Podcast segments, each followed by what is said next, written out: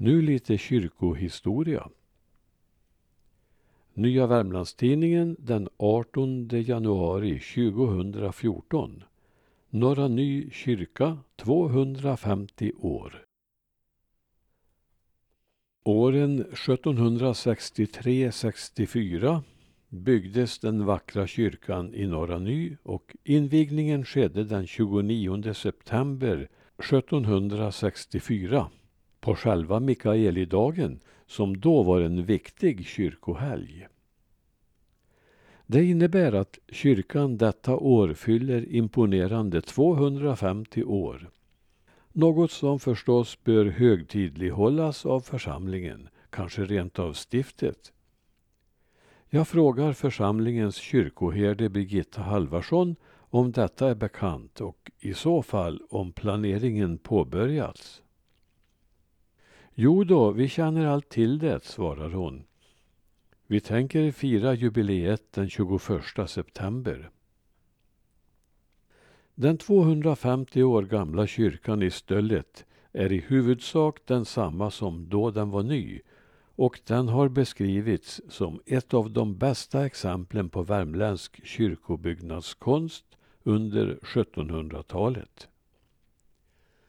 Med sin spånklädda exteriör ger den ett intryck av medeltid. Men spånen fanns inte med ända från början. Det var ofta så med de kostsamma kyrkobyggena att kyrkorna fick invigas när de var klara att tas i bruk, även om de inte var helt färdigbyggda. Spånklädseln som fulländade Nysockenkyrkan sattes på först 15 år efter invigningen. Inne i kyrkan var timmerväggarna synliga ända till 1820-talet då man fick råd att spika upp panel och först på 1840-talet var den invändiga målningen klar. Av okänd anledning togs den första tornspiran ner 1806 och ersattes av en lägre sådan. Tornets nuvarande utformning fick kyrkan 1924 med en spira som ritats av arkitekt Bror Almqvist och som blev högre än den dittillsvarande och mer lik den ursprungliga. Almqvist var för övrigt den arkitekt som vid samma tid ritade kyrkorna i Dalby och Nyskoga. Andra restaureringsarbeten har också utförts på Nysockenkyrkan under åren men inga stora genomgripande förändringar. Så man kan säga att kyrkan i sin nuvarande utformning fyller 90 år i år. Inne i kyrkan fastnar blicken vid den stora praktfulla altartavlan. Den var från början avsedd för Dalby kyrka men enligt vad som berättats var den för stor för att komma in genom kyrkporten där så den fick överlåtas till grannsocknen. År 1767 sattes den upp i Norra Ny kyrka. Hur det hela löstes ekonomiskt är inte känt.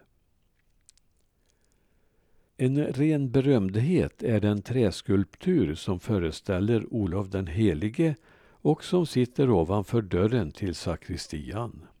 Han var ju den som gav upphov till de pilgrimsvandringar till Trondheim som gick upp över Klarälvdalen i 500 år.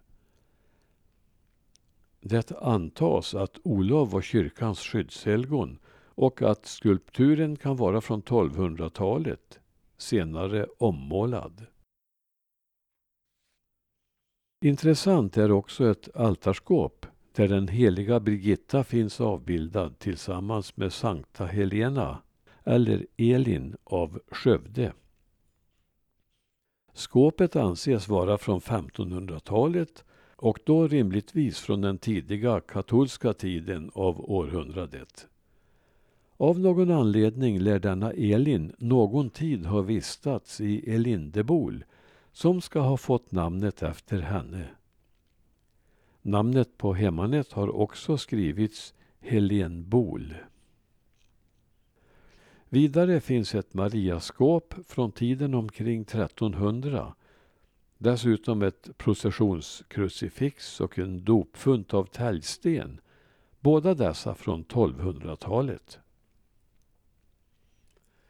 Vid tiden för kyrkobygget och ända fram till 2010 utgjorde Norra Ny en egen församling.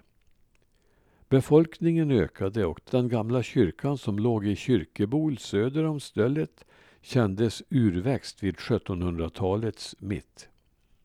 Antalet Norra Nybor 1749, alltså 15 år före kyrkans invigning, var 1155.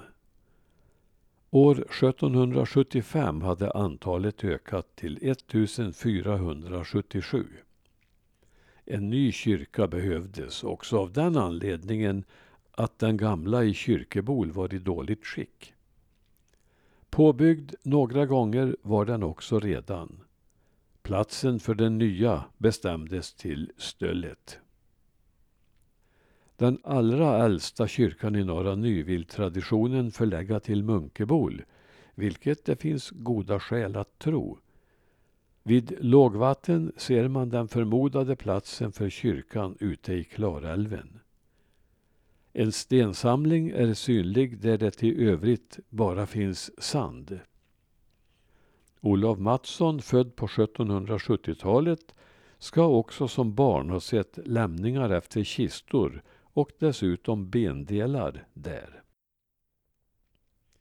Liksom i Dalby finns också berättelser om att älven i sin våldsamhet har fört kyrkorna från deras platser till söderut liggande ställen.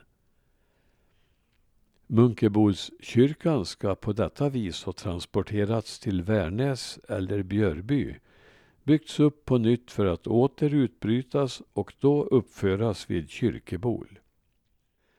Man vet inte när kyrkan där uppfördes, men den var ganska säkert medeltida och den fick stå kvar till 1773.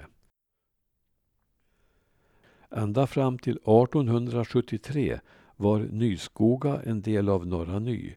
Men från det året fick det lilla området väst på skogen utgöra en egen församling som nu också ingår i Övre Älvdals församling. Norra Ny socken bildades redan 1415, då med namnet Ny socken. Den räknekunnige ser snabbt att det om ett år har gått 600 år sedan sockenbildandet. Och då borde det finnas än större anledning att fira, även om församlingen eller socknen inte längre har självständig status. Namnändringen från Ny socken till Norra Ny fastställdes för övrigt genom ett kungligt brev av den 17 april 1885. Samtidigt döptes Ny socken i södra Värmland om till Södra Ny, allt för att förhindra sammanblandning. Trots att sockenbegreppet upphörde för ett och ett halvt sekel sedan lever namnet kvar och i folkmun talar man ännu om Nysockna.